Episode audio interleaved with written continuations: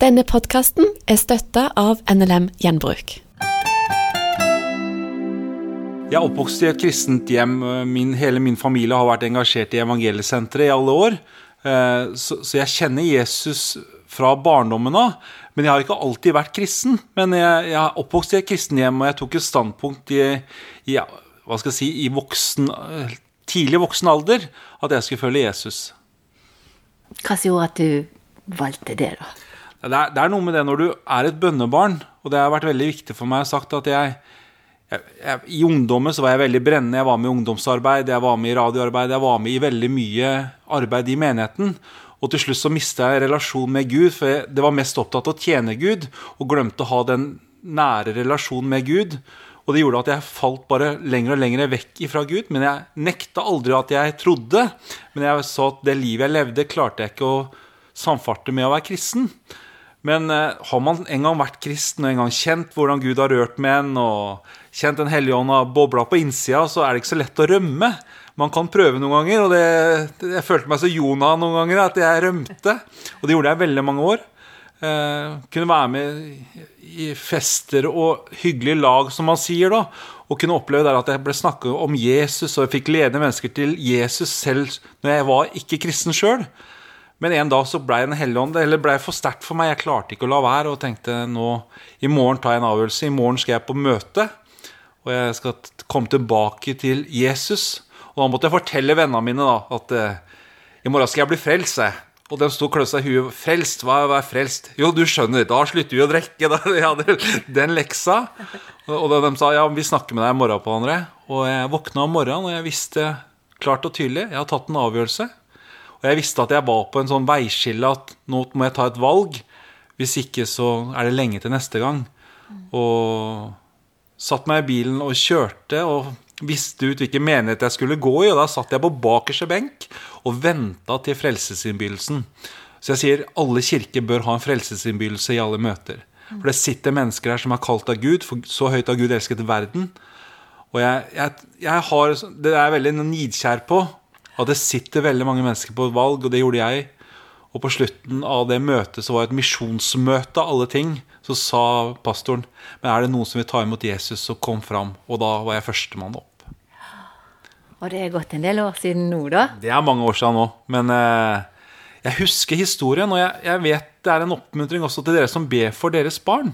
Ber for barnebarn. Er, jeg tror vi har mange vi bærer i vårt hjerte, og vi, i Markus 4 så står det om de fire kompisene som bærte han lamme til Jesus.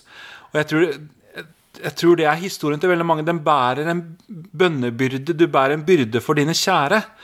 Eh, men Jesus ser den kjære. Og når du en gang har kjent på Gud, så du og ditt hus skal bli frelst, så barnslig tro har jeg.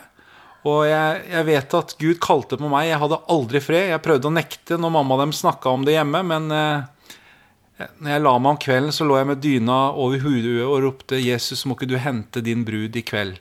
For jeg visste jeg ikke jeg var rede. Så det, det er noe når du har kjent på det en gang, så klarer du ikke å rømme fra. Du kan ha et steinansikt, men du klarer ikke å rømme. ja, så det er en sånn oppmuntring til dere som ber for deres kjære. Gud hører bønn, og han er mer interessert i deres kjære enn dere er sjøl. For han elsker alle mennesker så høyt.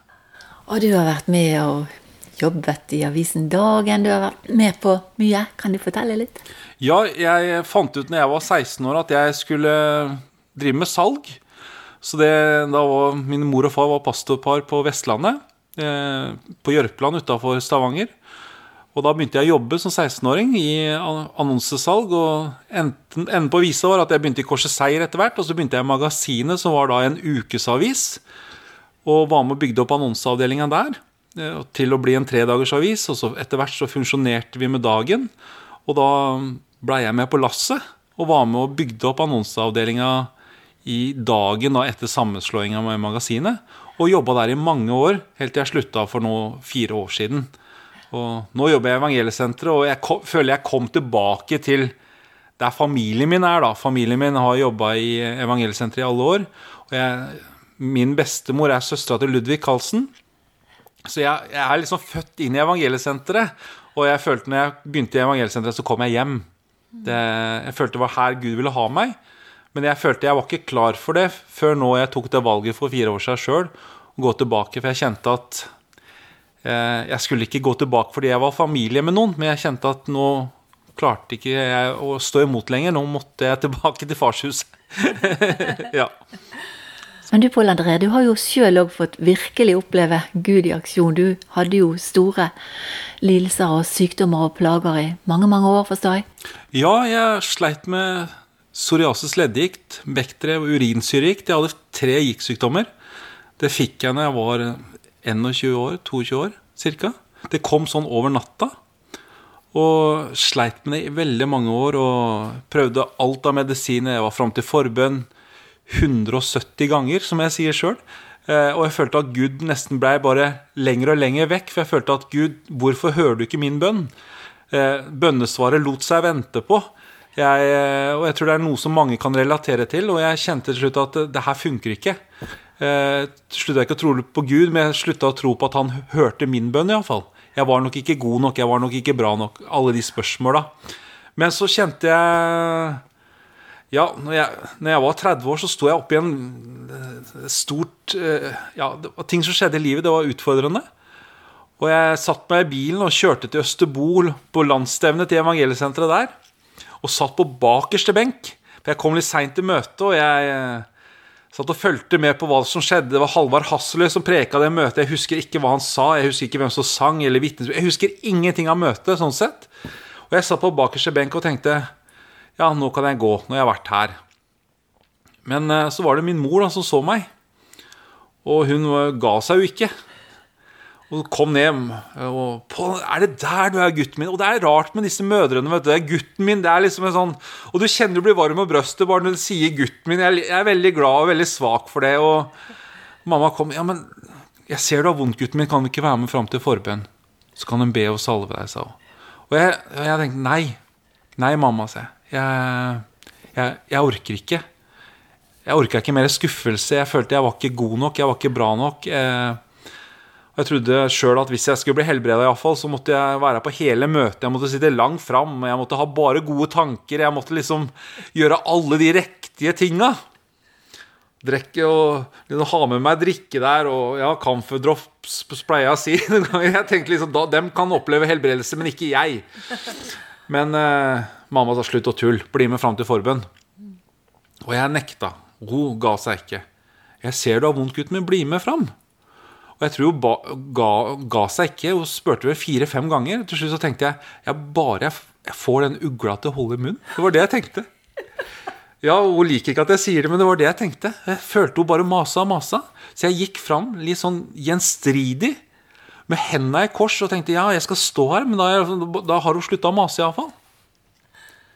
Og så kom det en gammel bønnedame som har vandra med Gud i alle år, så la hånda si på meg og så sa Jesus sår har du legedom. Det var ikke noe hokus pokus, det var ikke noe sånn voldsomt kjent forkynner, men det var bare en enkel dame som hadde hørt fra Gud, og la hånda på meg, og Jesus sår har du legedom. For det er ikke helbredelse i et annet navn enn i Jesu navn. Det er ikke hva Tjenestene våre handler ikke om, det handler bare om Jesus. Og jeg opplevde da hvordan Gud rørte med meg. Det var ikke noe det var ikke en voldsom opplevelse der, men jeg kjente det var sånn fred. Så jeg takka høflig den gamle dama for at hun ba for meg. Og gikk ut av møtet og våkna om morgenen smertefri. Og, da hadde du hatt voldsomme smerter i årevis? Jeg, vært, jeg, var, jeg fikk tilbud om uføretrygd da jeg var 25 år. Eh, stor del av året så gikk jeg med Jeg klarte ikke å reise opp ryggen. Jeg gikk med krykker for å helt klare å gå. Eh, nekta å ta uføretrygd, så jeg gikk på jobb, men jeg hadde så smerte. Jeg gikk med sånn tannverksmerter i hele kroppen. Eh, jeg hadde prøvd eh, kortison, eh, jeg hadde prøvd morfin, jeg hadde prøvd alt av smertestillende du kunne få. Jeg har vært på Betania revmatikersykehus, en måned lå der. Det ble bare verre og verre. Så det var da jeg liksom kjente at ja, men er dette livet, så vet jeg ikke om jeg orker å være med på dette her. Eh, det var så bortkasta, følte jeg. Jeg kunne ikke være pappa for sønnen min. Jeg fikk hjelpemidler for å helt tatt klare det meste. Og jeg tenkte at det her er ikke liv å leve. Men så kommer Gud i sin miskunnhet vet du, og rører med meg. Og jeg våkner om morgenen smertefri. Og jeg tenkte jeg må jo ta medisiner. En god revmatiker tar jo medisinene sine. Men så tenkte jeg det er jo for gærent å ta medisiner når du ikke har vondt. Og, så jeg lot være. Og så gikk jo timene, og fortsatt ikke vondt. Og utover ettermiddagen så kom hun samme bønnedama som sa Gud vekte meg i natt. Og så profeterte hun, fortalte hele min livshistorie. Alle mine bønner, alle mine tårer, hvordan Gud har hørt alle bønnene våre. Hvordan han har bare løfta det fram, og hvordan han ville bare velsigne meg. Og jeg kjente hvordan, hvordan Guds kjærlighet bare omslutta meg. Og og uka gikk, stevnet var jo over, og jeg kjørte jo hjem smertefri. Jeg var jo hallelujastemning, men jeg sto jo fortsatt i store ting hjemme. Og jeg satt meg i bilen jeg kom hjem, og kjørte til legen, og legen sa Du skjønner, jeg har vært på kristen møte, se. Og der blei jeg helbredet. Jesus eh, helbreda sykdommen, så jeg har ikke gikt lenger. Og er han legen min det, Ja, ja, det, skal vi se på, sa han.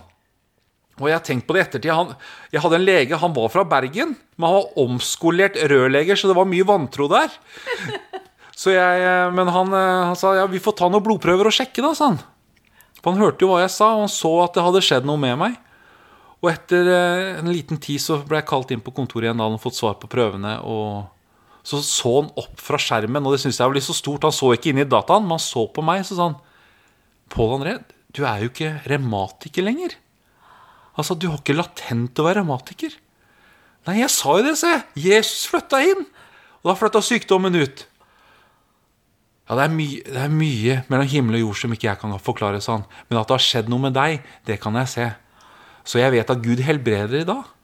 Dette er ti år sia. Nå er jeg 40 år. Dette er ti år sia. Jeg var 30 da. Fantastisk. Ja dette var jo et mirakel for å være helt nedi så elendig som det går an å bli, og alt var tungt og svart og mørkt. Og så bare kommer Gud når vi gjerne minst venter det òg. Mm. Det er det han gjør. For Gud elsker oss så høyt. Og det, Jeg satt på flyet nå over hit og havna ved siden av en person. og Vi satt og prata og fikk vitna og fortalt vitnesbyrdet mitt. Han slet selv med psoriasis og hadde smerter. Og jeg fortalte når ting var som mørkest, det var da jeg kunne rope til Jesus. Og han er løsninga for våre problemer i dag. Han er den vi kan komme til uansett. Og det er ikke alle problemer som blir borte av seg selv, men jeg har en å gå til med problemene mine. Og han så på meg med tårer i øya, og det er det jeg håper også dere som hører på, skal kjenne en, at det er en far som hører bønn. En far som lengter etter sine barn. Og hans kjærlighet er så stor. Han har ikke glemt noen. Han har telt alle håra på vårt hode, pleier jeg å si. Og det, det, det, Bibelen forteller det. Jeg har mye hår. Det er ikke alle som har så mye hår, men jeg vet at Gud har kjærlighet. Han ser de små tinga, og han er stor nok for de store og de små tinga. Og det ser vi særlig i evangeliesenteret, hvordan mennesker er oppgitt av både leger, av seg selv, av familie. Og så flytter Jesus inn, så flytter rusen ut. Så står de oppreist i dag, og så lovsynger de, og så sier de er det rart at jeg er glad. Er, for de har fått et møte med Jesus mannen fra Golgata, så tok alle våre sykdommer, alle våre smerter på seg. Den samme Jesus er ute i de tusen hjem i dag. For det gikk ikke på din tro. Du var jo overhodet ikke mottakelig på, for, for, et mirakel eller helbredelse akkurat da. Men Gud gjorde det allikevel når du gjerne minst ventet det. Ja, og det syns jeg er veldig viktig å få fram, for noen handler om For meg var det sånn jeg må prestere for å få Guds kjærlighet det hadde en sånn prestasjonsteologi som er helt feil. For det, for det, handler ikke om hva vi har gjort, det handler om hva Jesus har gjort. Og så tenkte jeg, og det var det som slo meg også mens jeg sto der Lasarus, han var jo død i fire dager. Og han ble vekt til liv av Jesus. Så Jesus er jo ikke avhengig av hva vi presterer av tro, for det er en gave. Og, det er, ja, og jeg ser hvordan Gud helbreder i dag. Jeg, hadde ei i menigheten nå for ikke så lenge siden som hadde slitt med ryggen i, siden hun var ungdom og har vært i en ulykke. og jeg, Kan jeg be for det? For jeg sto der i ettermøte og kjente liksom her er det et eller annet. Nei, nei, hun skulle ikke bli bedt for, hun har bedt så mange ganger. Og gubben kunne be for henne, for han var flink til å be. Ja, så jeg, men jeg bare føler at Gud har lyst til å møte deg i dag, så jeg kan ikke bare legge hånda Ja, hvis du slutter å mase, sa hun. Ja da, jeg skal slutte å mase. Så fikk jeg lov til å legge hendene på henne. Så ba jeg en helt enkel bønn. Gud, må du røre med din søster. Må du røre med din brud Jesus. Og i dine sår, Herre, så har du legedom. Og så er det du som skal ha ære. Du skal ha prisen. For det er Jesus skal ha ære. For uten at han gjør det, Samme hva jeg sier, er hva Jesus sier. Og hun dama vet du, hun, hun ble jo momentant helbreda. Og etter tre måneder så fikk jeg seiersrapport, og sa jeg har ikke hatt smerte siden den gangen. Og gubben var så fortvila, for nå tok hun oppvasken sjøl. Hun sa det var vanligvis hans jobb, men nå var det hennes, hun hadde så mye overskudd. Hun sa nå tror jeg jeg skal si fra meg trygda, sa hun. Men så hadde gubben sagt at hun var 66 år, så det var liksom ikke så veldig mye i arbeidslivet igjen. Så da, da, da skjønte hun ja, men da kan jeg gjøre noe for Gud. Så i dag er hun med på bibelspredning i Kina bl.a. og sier at dette kunne jeg ikke før. Men nå kan jeg være med og bære kasse på kasse med bibler over grensen til Kina fordi Jesus rørte med meg. Så kan jeg peke på at han helbreder i dag, hun. Så Gud helbreder. Og jeg tror, vi, jeg tror vi trenger å løfte fram helbredelsene mer. Løfte fram det som skjer. For jeg tror Gud gjør mye mer enn det vi snakker om ofte. Vi, er, vi nordmenn er så innestengte ofte. Vi skal ikke dele så mye. Men jeg, jeg, jeg, liker litt mer sånn som det er i Sør-Amerika og det er eh, andre plasser i verden der de snakker om alt. Og, for, for, jeg vet at det skjer mirakler, og det ser vi hele tida. tenker på alle hverdagsmirakler, Pål. Om ikke vi alle opplever de store miraklene, så det, kryr det jo egentlig med hverdagsmirakler. De små tingene i hverdagen som vi gjerne tar som en selvfølge. Det er veldig mye av det. Og det er, det er mange ganger vi ikke tenker på det engang. Det er noe med å telle våre velsignelser. Eh, jeg sa det I stad satt jeg ved siden av en mann på flyet og fikk vitna for. I går kom jeg fra Spania, jeg har vært på ferie. Fikk Havna ved siden av en person og fikk sitte og prate om Jesus. Det er, det er så mye som skjer. Og så tenker jeg det er jo alle disse store miraklene. Vi ser at han redder oss i trafikken, eller vi ser at vi kan Mannen de fortalte han hadde ramla ned fra taket, hvordan Gud liksom rørte med han. og Jeg har opplevd lignende ting. Men tenk på alle de gangene ikke vi merker hvordan Gud har sin hånd med ting og flytter på oss. Som vi ikke vet om engang. Og vi er så jeg er så takknemlig til Jesus at Jesus, du gjør mye mer enn det jeg ser. Og tenk, Det er noen ganger godt å være et barn. vet du. Og jeg tror det er derfor vi skal være som barn. Jeg blir så glad i det der enkle. Noen ganger så kan vi bli så dype i vår teologiske søken at vi, vi leter i Bibelen så vi, vi blir nesten slitne sjøl. Men jeg har så lyst til å gå tilbake til det enkle, ha det som et lite barn komme framfor Jesus. 'Jesus, jeg vil ha hva det du har, jeg nå. Jeg vil sitte på fanget ditt. La deg lede meg.' Og da, da, ser vi hvordan han leder oss i de enkle stegene også i løpet av hverdagen. Jeg sa til Gud at 'Gud, her er livet mitt. Kan du bruke det, så bruk det.' Og alt det jeg gjør, må være til din ære, til din pris. Det er ikke for å få mitt navn kjent, men det er for at ditt navn Jesus skal bli kjent.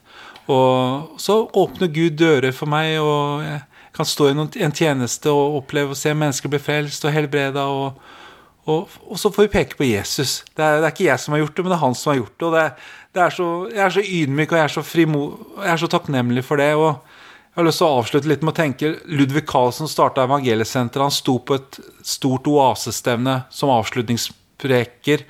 Og da var det mange store menn som har vært der og forkynt Guds ord og lagt ut om Bibelen. Doktor ditt og doktor datt i Bibelen. Og Ludvig sto der og så sa han, så han utover salen og sa han, jeg har ikke så mye papir å slå i bordet med, men det eneste jeg kan fortelle dere om, det er Jesus. For det er han som har frelsa meg, det er Jesus som har redda meg. Og det er Jesus som er løsninga for alle deres problemer. Sånn. Og hvordan Den hellige ånd bare ramla av Guds menighetssalen, over hele salen, av Guds kjærlighet. For det er bare Jesus som skal bli forkynt. Det er ikke vårt navn, det er Jesu navnet. Og det er det jeg kan være frimodig å stå i. Tjeneste og peke på Jesus. Noen spesielle bibelverser betyr eller har betydd mye for deg, Pål André? Det er så mange, men et som jeg kommer tilbake til hele tida, er søk først Guds rike og hans rettferdighet, så skal du få alt det andre i tillegg. Og det er, det er, det bibelverset jeg tenker på hele tida. Jeg har lyst til å dele dette, for det er litt sånn, litt sånn godsaker. da. Eh, hver morgen nå Jeg fikk et tips av et godt eh, ektepar som har vært gift i mange mange år.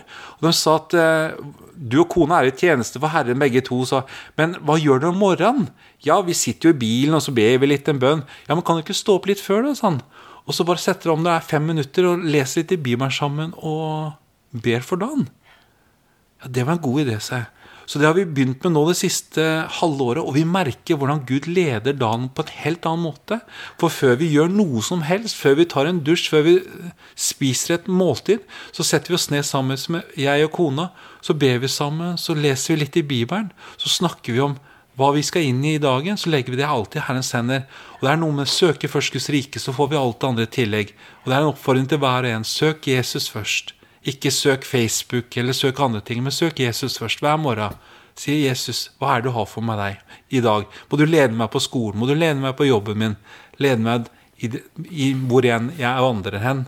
Og så må du bli synlig gjennom mitt liv. Er du på jakt etter noe andre butikker ikke har? Stikk innom NLM Gjenbruk. En tur i en av våre gjenbruksbutikker er en spennende skattejakt. Her kan du finne massevis av godbiter, kvalitetsklær og flotte ting til innredningen. Og det til en hyggelig pris. Gjennom å handle på NLM Gjenbruk er du også miljøvennlig, og du bidrar til at andre får det bedre. Finn din nærmeste butikk på nlmgjenbruk.no. Velkommen til oss. Du har hørt en podkast fra Petro. Du finner masse mer i vårt podkastarkiv på petro.no.